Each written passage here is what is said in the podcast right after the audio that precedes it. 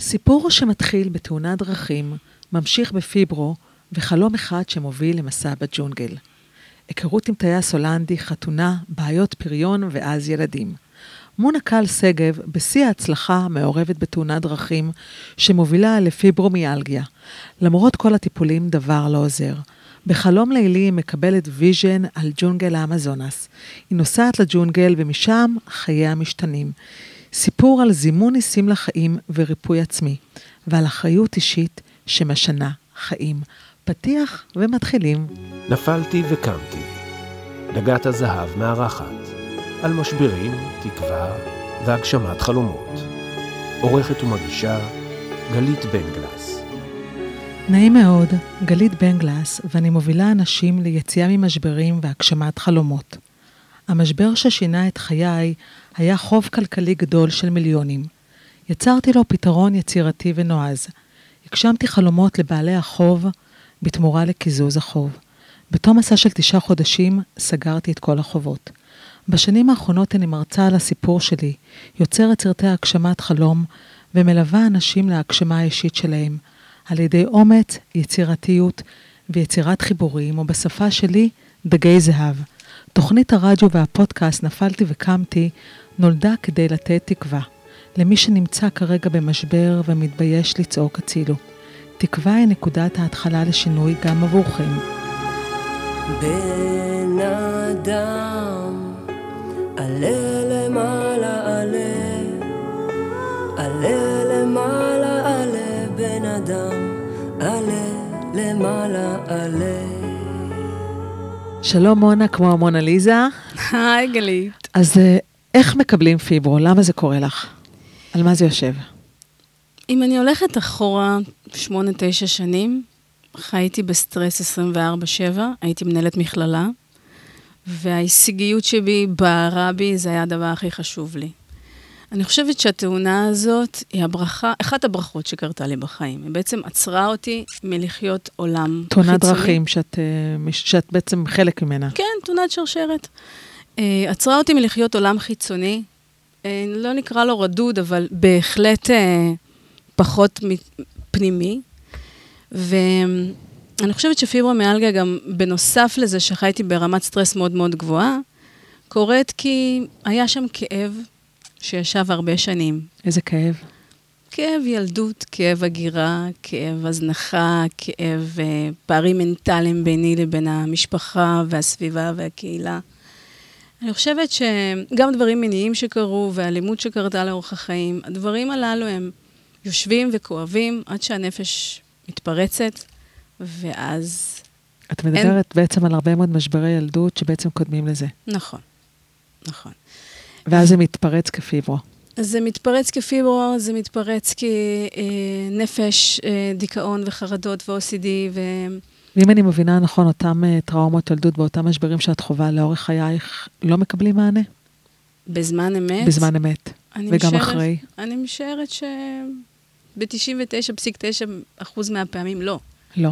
הייתה לי סבתא שהייתה השראה עבורי. מה היא ו... הייתה עבורך? Um, סבתא שלי הייתה מישהי שהאמינה בי, והזכירה לי לאורך כל החיים כמה אור, כמה עוצמה וכמה אה, ברכה יש בי.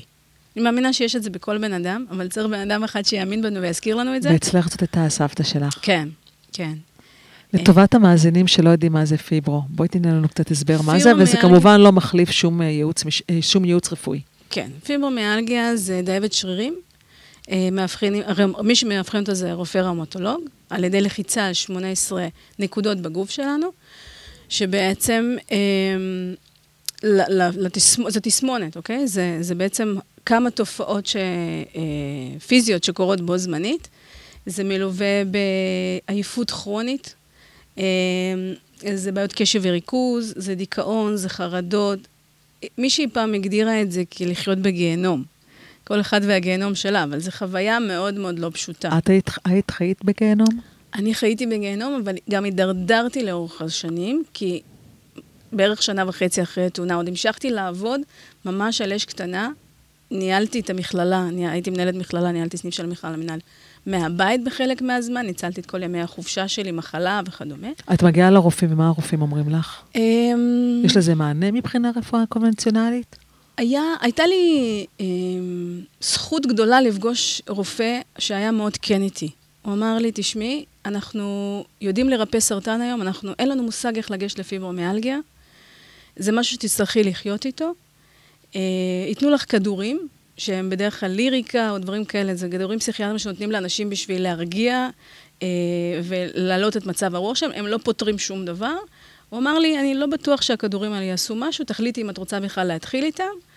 אה, איך מתמודדים עם, עם אמירה אה, כזאת? זהו, אז הבשורה הזאת היא בעצם, אה, אני, אני, היום בדיעבד אני מעריכה אותו לכנות הזאת. באותו רגע יצאתי מהפגישה, זה היה בבית חולים מאיר. זה קצת אה, לגדוע את התקווה. ממש. נכנסתי לאוטו ובכיתי חצי שעה, כי בעצם החיים שלי התפרקו לי באותה שנייה. זאת אומרת, זה לחיות ככה כל החיים, מבחינתי אין, אין טעם לחיות. את יודעת, אני מכירה לא מעט אנשים אה, שחולים בפיברו, וזה באמת חיים של סבל אה, נוראי. נכון. זה חיים של סבל נוראי, ולאורך הפרקים, אה, אני נוגעת בלא מעט מקרים שרופאים מגיעים ובעצם סוגרים את הגולל ואומרים, אין מצב, זה לא יכול להשתפר. ואני תמיד נדהמת מהיכולת שלהם לקבל אחריות על תקווה של אנשים. תראי, קודם כל, אנחנו כאנשים שבאים לרופאים, אנחנו רואים בהם אלפא בטריטוריה מבחינתנו, כן? הם, אם הם אמרו ככה, וזה רופא שהוא למד והוא מומחה, אז אני אאמין לו. איפשהו זה קצת אה, מוריד אה, מאיתנו את האחריות, ואנחנו מעבירים את האחריות לרופא שמחליט עבורנו את הגורל שלנו. ופה בעצם הבחירה שלנו כבני אדם, האם אנחנו נתונות לתודעת הקורבן הזאת, או שאנחנו עושות פה בחירה ואנחנו אומרות, כמו שאני עשיתי, אחרי שישבתי בסוזוקי האלטו הוורודה שלי ובכיתי חצי שעה, מה הבחירה שאת עשית? כשיצאתי ממנו ובכיתי את החצי אחרי שעה הב- הזאת, אחרי הבכי? היה משפט אחד שאמרתי איתו, ואני הולכת איתו לאורך כל החיים, ואני אומרת אותו לכל האנשים גם. אני מבריאה בכל מחיר. את מבריאה בכל מחיר, שזה מדהים. אני פוגשת לא מעט אנשים בתוכנית הזאת ובכלל, שעוברים משברים כל כך גדולים בחיים, ומתוך המשבר שלהם מגיע הפתרון. אז מה את מחליטה בעצם לעשות? אני מחליטה שאין מצב שאני חיה כך, ולכן אני הולכת לחקור איך עובד המוח ואיך עובד הריפוי. וממש, אפרופו בכל מחיר, השקעתי עשרות אלפי שקלים כל חודש לטיפולים קונבנציונליים ואלטרנטיביים, כי הייתי נחושה להבריא. זה. אומר שאת מתעסקת בזה. כן, עבדתי בזה. הייתי במצב בזה. של חוסר תפקוד, שלא תביני לא נכון, אוקיי? זאת אומרת, גם הייתי במיטה רוב הזמן, אה, אבל המוח שלי עבד, למרות הפרעות קשב וריכוז, ולמרות הדיכאון הכבד שעבר עליי, עדיין הייתה בי אמונה מוחלטת, אני חייבת לציין, שאני הולכת להבריא, ולכן הייתי אה, בלשית של ריפוי. היית בלשית של ריפוי. כן. אבל את לא מצליחה עוד לפתור את התעלומה. לא. לקח לי זמן עד כי שבעצם... את מנסה למצוא את הפתרונות אה, במקומות בחוץ, אחרים. כן, עד שבעצם הגעתי לנקודה שאמרתי, אוקיי, אם אני נותנת את הכוח לאנשים חיצוניים וזה לא עובד, זה אומר שאני חייבת למצוא את התרופה, את הדיוק, את המסר בתוכי. אה, ואז בעצם אה, היה איזשהו לילה, רגע, רגע לפני הלילה, כן, אני דווקא רוצה לדייק את זה ולומר, אחד המסרים הגדולים ביותר שאני כרגע מקבלת, בכלל, בקרב אנשים שאני מלווה ובכלל, זה שעל האדם לברך את עצמו בברכה שלו בעולם, ומשם יגיע גם הריפוי. אנשים לעיתים נוטים לתת את המתנות שלהם בעולם לאחרים, ולא לתת אותם לעצמם. ולפעמים חלק מהמשברים וחלק מהקושי, זה להתנסות בזה בעצמנו. עם כל הקושי והקושי לפעמים הוא זעקת הצילו. כן, ומתוך הריפוי שלנו את עצמנו, נוכל גם לתת את זה לאחרים. כן, זה קודם את עצמנו, ממש. ולא אחרים. זה כמו במטוס, שאישה שמה את את המסכה עליה קודם, ולפני הילדים. כן. ואז איך מגיע החלום? אז בכלל, באמת- יש לך תופעה של חלומות נבואים? זה משהו שקיים אצלך? כן. אני הייתי, קודם כל כילדה הייתי מחוברת לירח ו, ולכוכבים. זאת אומרת, אוקיי. עד גיל שנתיים ישנתי בעגלה בחוץ. את ו- מודעת, והיית מודעת לכוח הזה שקיים בך? לא, סבתא שלי הייתה תמיד מזכירה לי אותו. ס- וזה בטח כוח שגם היה לסבתא שלך. כן. אוקיי. נניח חלמתי חלום, ואז אה, שבוע אחרי סבא שלי אה, נפטר, וסבתא שלי באה אליי בלוויה ואמרה לי, זה החלום שלך.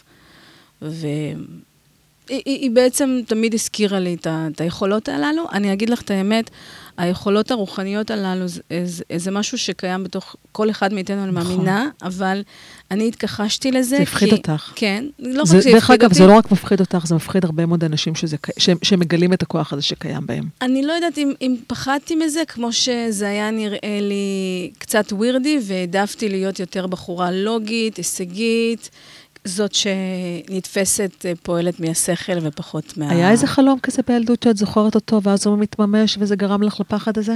אני זוכרת, אה, לא חלום, אני זוכרת אה, אירוע שקרה שהוא משפיע על האמונה שבתוכי. נסעתי באוטובוס הביתה, הייתי ילדה מאוד עצמאית, בגיל שמונה כבר נסעתי באוטובוסים מהבית ספר הביתה, ואני חושבת שזה זה אירוע שקרה לי באזור גיל עשר או תשע, והתחננתי לאלוהים. כך האמנתי בו אז, היום אני מאמינה בכוח אחר, אבל זה לא ממש משנה, כי כוח זה כוח ואמונה זה אמונה, שאני אגיע הביתה ואני לא אקבל מכות. אבל זה באותו יום שהתפללתי כל הדרך בא- באוטובוס, הגעתי הביתה, וזה היה היום אחד הערבים היותר שקטים שלי, ולא קיבלתי מכות, והכל עבר בשלום. אמ, ואז ראיתי בעצם שלמילה שיוצאת אברה קדברה, אברה כדבריי, יש כוח, והשתמשתי בו מאותו גיל וואו.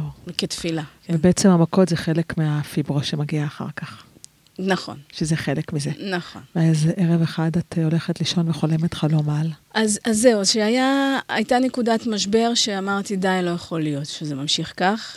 אמ, ואז אמרתי, אוקיי, אני אפנה לרמה יותר גבוהה ש, שקיימת בתוכנו, זה רמת הנשמה, ואם אני מאמינה בכוח הזה שדיברנו עליו ממש לפני שנייה, אז היא בטוח רוצה לעזור לי. אמ, ומדברים הר- הרבה על חלום צלול, להביע כוונה. אמ, מה היה החלום? הוא לא, חז... הוא לא בא לי בלילה הראשון, דרך אגב. אוקיי. אני הבעתי כוונה שאני רוצה לקבל מסר איך אני מבריאה את עצמי. אוקיי, מתוך ידיעה שאת יכולה גם להקשיב למסרים של עצמך. נכון, מתוך אמונה, שזה חשוב נכון. מאוד. נכון. ואז מה יש בחלום? Uh, הוא הגיע בלילה השני, ובחלום ראיתי את עצמי יושבת באיזשהו יער. Um, לא כל כך היה ברור לי מה אני עושה, הוא התחדד לי לאורך uh, כמה לילות uh, קדימה, ואז ראיתי ש, שזה מרגיש לי כמו ג'ונגל, וג'ונגל באמזונס, uh, ו, ואיכשהו לאט-לאט החלום גם היה נגמר בסילואט של גבר. זה חלום שחזר על עצמו מספר פעמים, מספר רב אוקיי. של פעמים, וגם ביקשתי כל פעם לחדד אותו ולנסות להבין מה, לאן אני צריכה ללכת.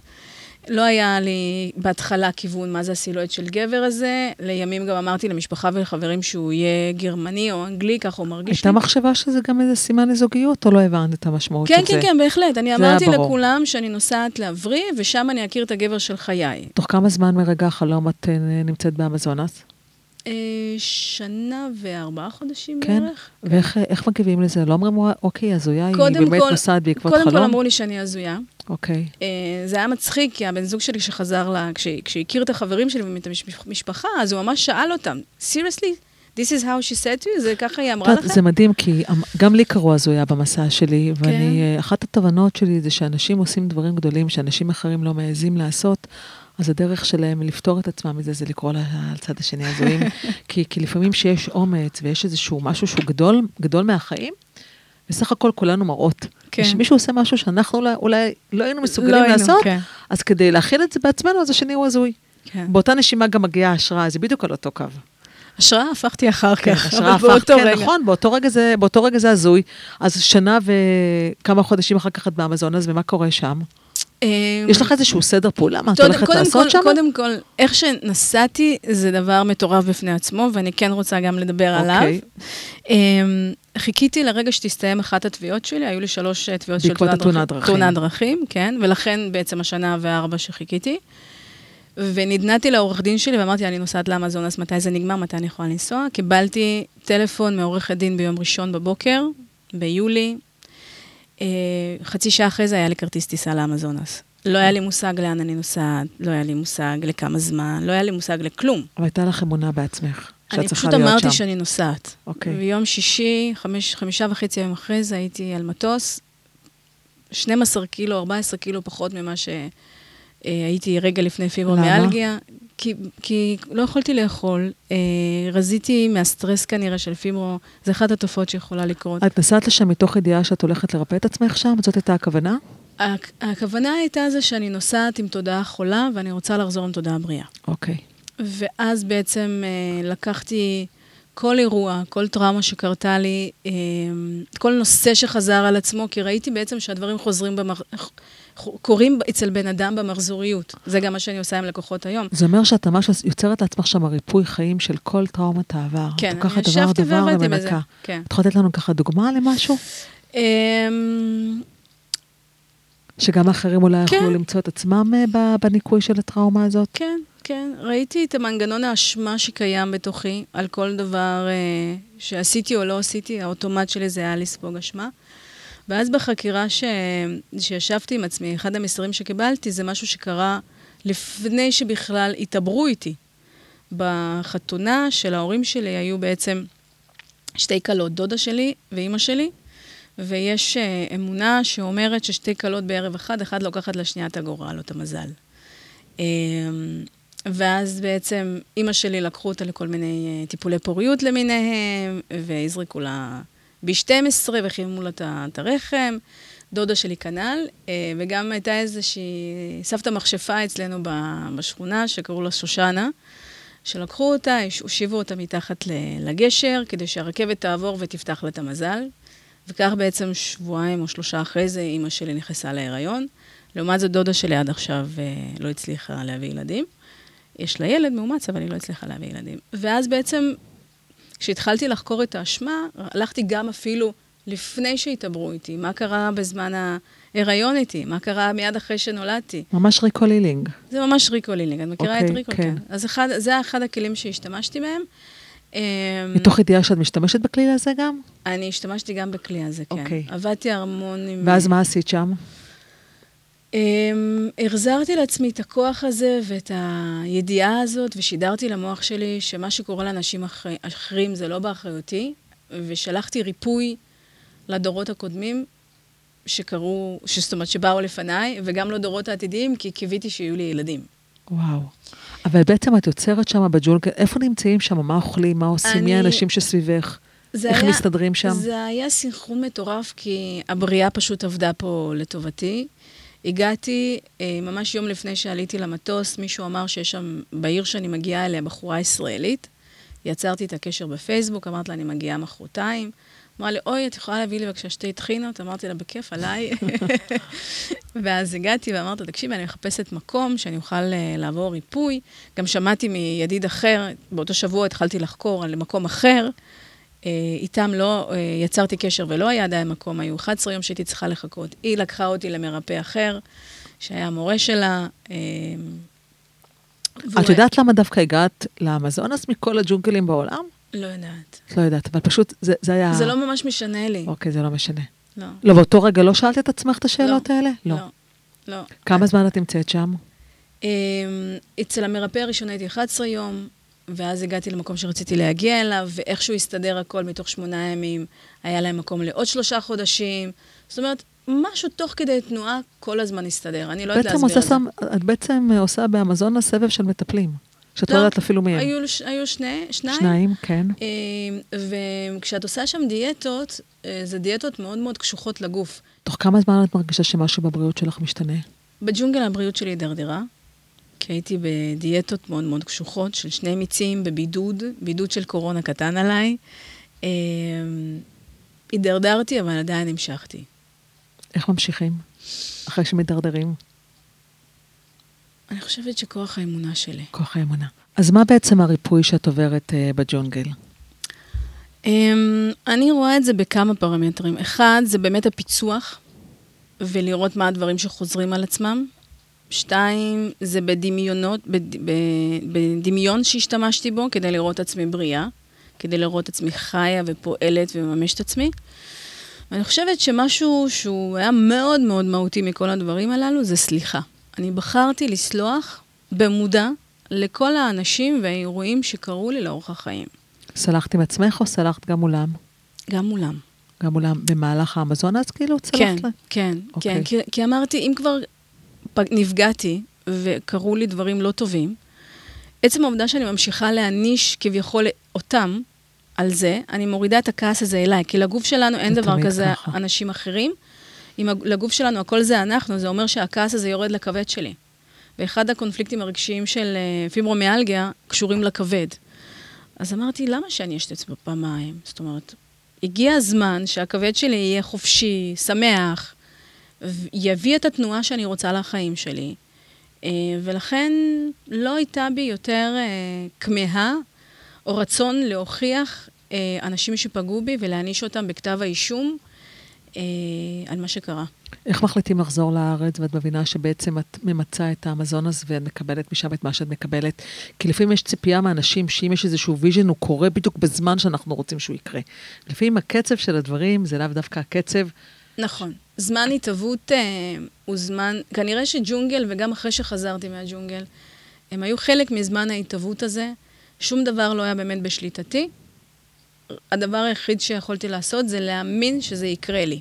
להאמין שזה יקרה. וכשחזרתי, אז בעצם ראיתי את התוצאות אחת לאחת. איזה תוצאות ראית? Uh, קודם כל, uh, הערך העצמי שלי עלה מאוד. אני האמנתי בזה שדברים טובים יכולים לקרות לי. קרה שיפור אדיר ביני לבין ההורים שלי, ביני לבין הסביבה הרחבה יותר. Uh, הייתי יותר, uh, נקרא לזה, חופשייה. הייתי יותר חופשייה מהעבר. רגע, עוד שאלה. בחלום היה גם סילואט של גבר. נכון. מה עם הסילואט? אוי, שהוא מתוק. אמ, היא קוראת באבזונס הסילואט? כן, כן, זה רולף, אוקיי. הבן זוג שלי, הוא הבעל שלי, הוא אבא של הילדים. אמ, הוא הגיע, היה גבר חתיך מאוד. אה, לא היה בינינו חיבור.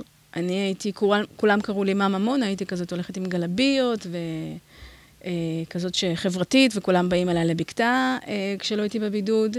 ועם רולף לא היה לי חיבור, למען האמת.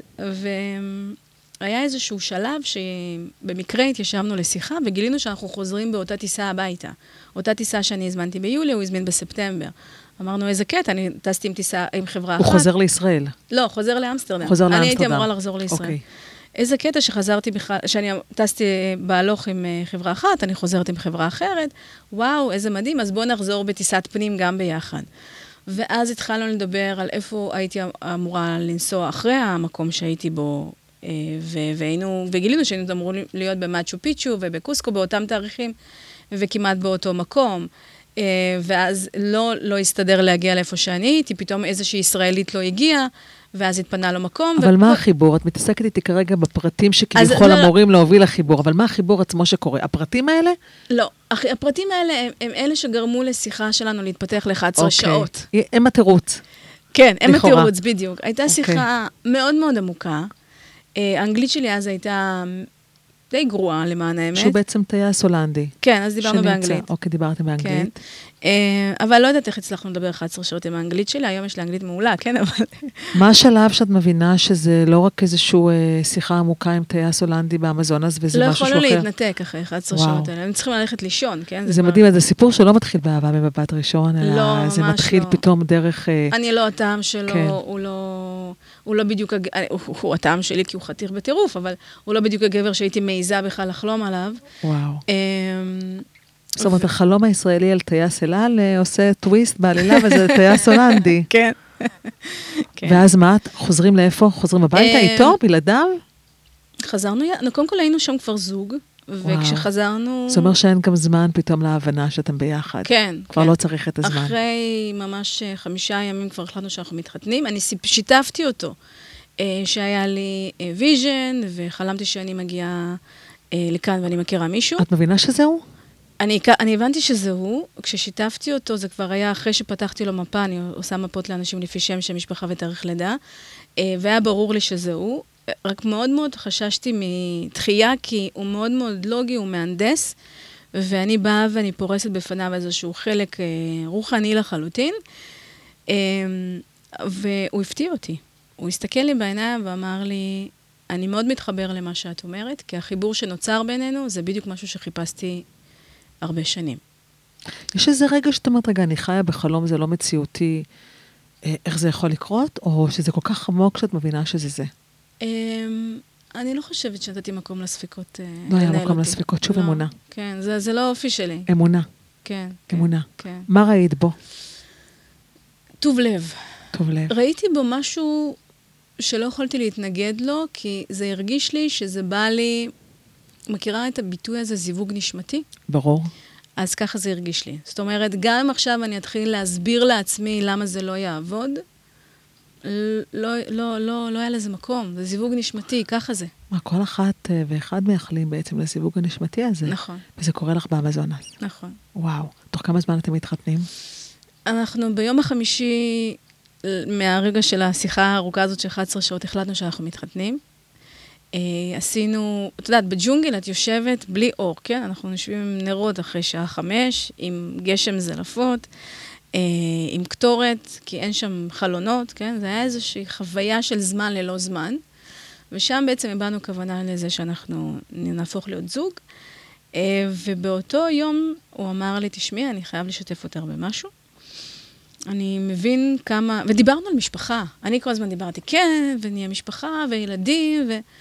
ואז הוא אמר לי, הסיכוי שלנו להיות הורים הוא מאוד מאוד נמוך. כי עם הגרושה היינו בטיפולים הרבה שנים וזה לא עבד.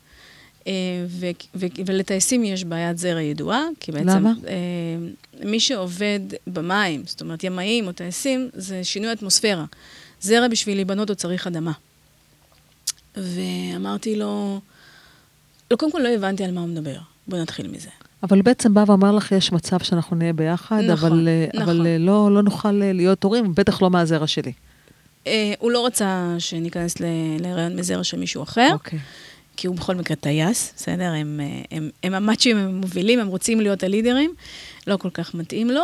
אה, ו- ואז הסתכלתי עליו ואמרתי לו, תקשיב, אני עכשיו במסע שלי להבריא מפיברומיאלגיה, איך שאני מתאזנת ואני מבריאה, ואני מפצחת בדיוק איך הריפוי שלי יעבוד, אני אטפל אה, ואני אכנס לתחום הפריון, ואני גם אחקור את הדבר הזה, ואנחנו נהיה הורים, אין דבר כזה שלא. זה מדהים, כי את מקבלת בעצם משברים בריאותיים אה, לא פשוטים, מתוך ידיעה שאת הולכת לנצח אותם, ואת הולכת למצוא להם איזשהו מודל כדי אה, להבריא, ויש לך בעצם כרגע לא רק את הפיברו על הראש, גם כרגע את סוגיית הפריון. כן, אבל אז לא ראיתי את זה כך. לא ראית את זה כך. הייתי מאוהבת. היית מאוהבת, אבל את אמרת, זה, זה, זה, זרע לא יעמוד ביני לבין האהבה. לא, לא. ואז הוא הסתכל עליי, ו... ו... ואז באמת אה, היה לנו ויכוח מאוד מאוד אה, לא נעים, כי הוא אמר, בואי, עזבי אותי מכל הסיסמאות הרוחניקיות האלה, יש פה מצב נתון, קבלי את זה כמו שזה. אה, זו הייתה המריבה הראשונה שלנו, שאנחנו תמיד צוחקים עליה. אה, באמת לקח לי הרבה זמן לפצח את הפריון. התחלתי מהפריון שלו, אבל התחלתי לחקור גם את הפריון אבל הנשי. רגע, לפני הפריון. כן. בעצם לצורך העניין את מתחתנת איתו מתוך ידיעה שיש לכם פה כרגע איזשהו אה, אי הסכמה. זאת אומרת, יש מצב שאת, זאת אומרת, יש מצב שעל פי תפיסתו אתם לא תהיו הורים. אנחנו הגענו לארץ, וחצי שנה אחרי זה פגשנו גם רופאת פריון וגם רופא פריון, שאמרו לנו אותו דבר, שהסיכויים שלנו מאוד מאוד נמוכים. יש חתונה לפני או אחרי? אחרי. אחרי. אחרי מה? אחרי הידיעה שאפשר לפתור את זה?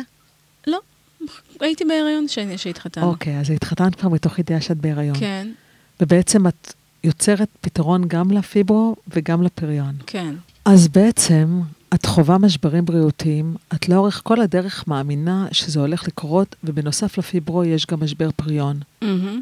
איך עושים את זה? איך הצלחת בעצם לה- להחלים ולהבריא את עצמך, גם וגם?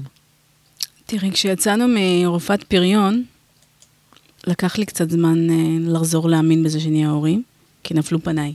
כמו, ב, כמו עם הפיברו. קצת, כן. גם אז נפלו פניי חצי שעה כן, באוטו. אבל אז זה חצי שעה, ופה זה היה קצת כן. יותר. והתחלתי ללמוד אה, גם טוטל ביולוגי בנושא של פריון וזוגיות ומיניות, גם אה, ריקול. ואותי דווקא עכשיו מעניין ככה לקראת סיכום להבין בעצם כן. מה הדברים שעשית, באמת, היותר פרקטיים, כדי שמאזינים שלנו שכרגע סובלים מפיברו, והם גם עם בעיות פריון, יכולים בעצם לעשות עבור עצמם. כי בעצם את יצרת עבור עצמך את הריפוי העצמי שלך. נכון. למדת ולמדת ולמדת, אבל עדיין, מה הכלים שעכשיו המאזינים שלנו יכולים לקחת עבור עצמם? אמ, אני הלכתי וחקרתי את השושלת ואת הנושא של אמ, פריון בכלל בדורות הקודמים אצל רולף. ישבתי עם דוד שלו, אז עוד היה בחיים, היה בן 80. ו, אמ, ו, וראינו בעצם שיש שם אה, סבא רבא שלא קיים ואף אחד לא יודע. וזה אחד הקונפליקטים שיכולים להיות. שתיים, זה האם אני עם הגבר או עם האישה הנכונים עבורי. אמ, זה קונפליקט נוסף של פריון. שלוש, האם בשלב הפאלי, לפי פרויד, בקונפליקט של אה, תסביר של אדיפוס או אלקטרה, יכולתי להימשך לאימא שלי או לאבא שלי, עם אבא דומיננטי, ילד מגיל שלוש וחצי עד שש בערך, אם הוא לא מצליח להימשך לאימא שלו, הוא לא מצליח לפתח את הזכריות שלו. אז בעצם יצרת ריפוי לדברים האלה?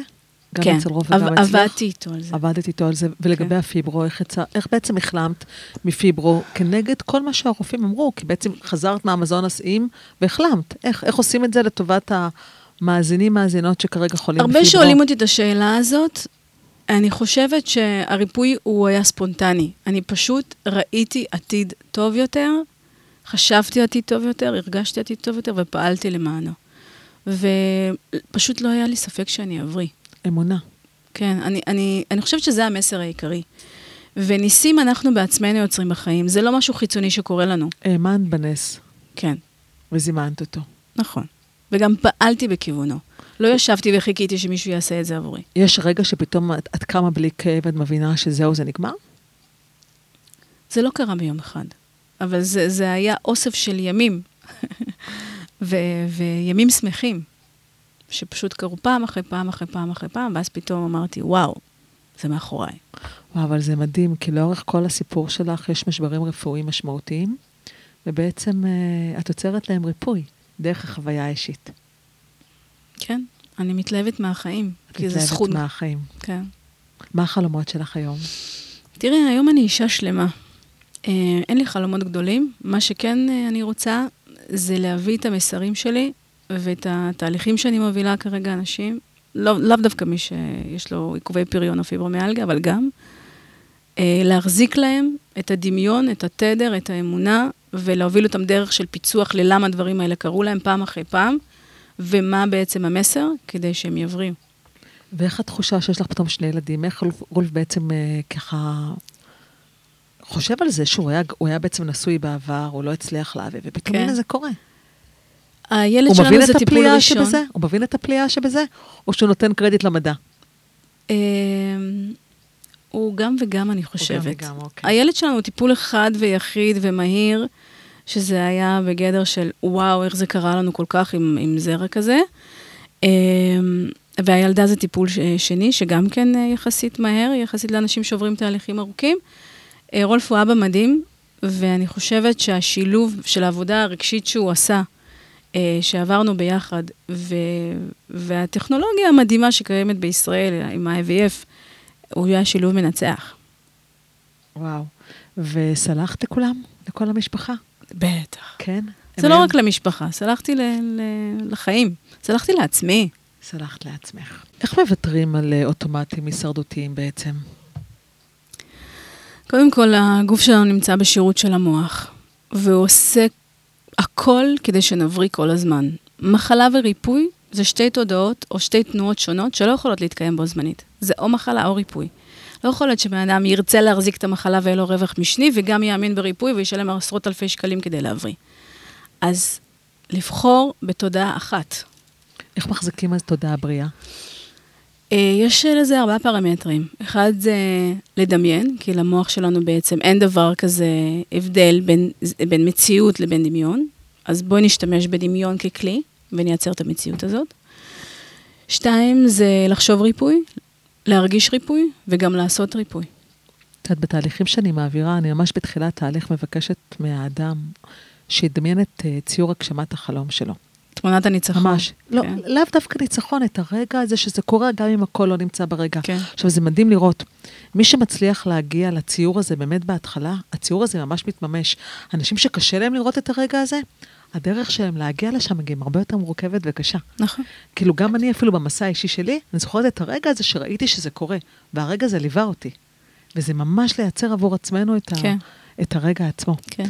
מה היית אומרת אה, למונה אה, שלפני אה, 40 שנה, מונה ילדה? אמ, הייתי אומרת לה את המילים של השיר שהשמענו, הרבה טוב מחכה רק לך, הרבה אהבה עוטפת אותך. וואו, אז אני דווקא רוצה לסיים במסר הזה אה, לכולם, שהרבה טוב מחכה לכם, והאהבה גם עוטפת אתכם. תודה רבה, מונה. איך אפשר תודה. ליצור איתך קשר, מי שמחפש אותך? בנייד, בוואטסאפ, אוקיי. בפייסבוק. איך את נקראת בפייסבוק? מונה קל שגב. מונה קל שגב. אז אם אתם uh, חושבים שהמתנות של מונה בחיים יכולים uh, לתת לכם משהו, מוזמנים לפנות אליה. תודה לכם על המאזינים, תודה לדלית יואב גילאון על הטכני. התוכנית משודרת בשידור חי כל יום שלישי בשעה 11 ברדיו קסם 106 FM, ולאחר מכן בכל ערוצי הפודקאסט. מוזמנים גם לחפש אותי ברשתות אה, ובאתר שלי, גלית באנגלס דגת הזהב. כל הפרקים מופיעים שם. אה, שם גם תמצאו מידע על ההרצאות ועל הליוויים שלי ועוד הפתעות. אה, מוזמנים לכתוב לי ולספר לי מה לקחתם מהפרק ולהעביר זאת הלאה. יש מישהו בעולם שאולי צריך את המילים. שבוע הבא, משבר חדש, תקווה חדשה, כי תזכרו, אחרי הנפלתי, מגיע, קמתי, ולסיום ככה, הקפלה, אה, לכבודך, מונה, של איילת עוז מימון. בבקשה. תודה. עידן רייכל מכל האבות. כל רגע שנשמע זיכרון ישן, וכל מה שנשכח, איזה קטע. עם השנים שכבר עבר, האם תזכור אותם, האם תדע, אתה שם בכולם. כל מכתב שלא נכתב, כל שנאמר, בכל סימן אשר נגלה אליי, ואומר אותך, הבוקר שעולה עלינו אשר ירח בחלון. מכל האהבות שיש לחלום ביקשתי לי אותך האם תשמע קולי קורא לך אם תדע? האם תזכור שתיקות יפות את לחישת קולך את מגע ידך מכל האהבות שיש לחלום ביקשתי לי אותך אתה רחוק ממני וליבי חסר אותך ולא ביקשתי לי דבר מלבד להיות שלך מלבד להיות איתך וואו, תודה רבה. וואו, סיום מושלם.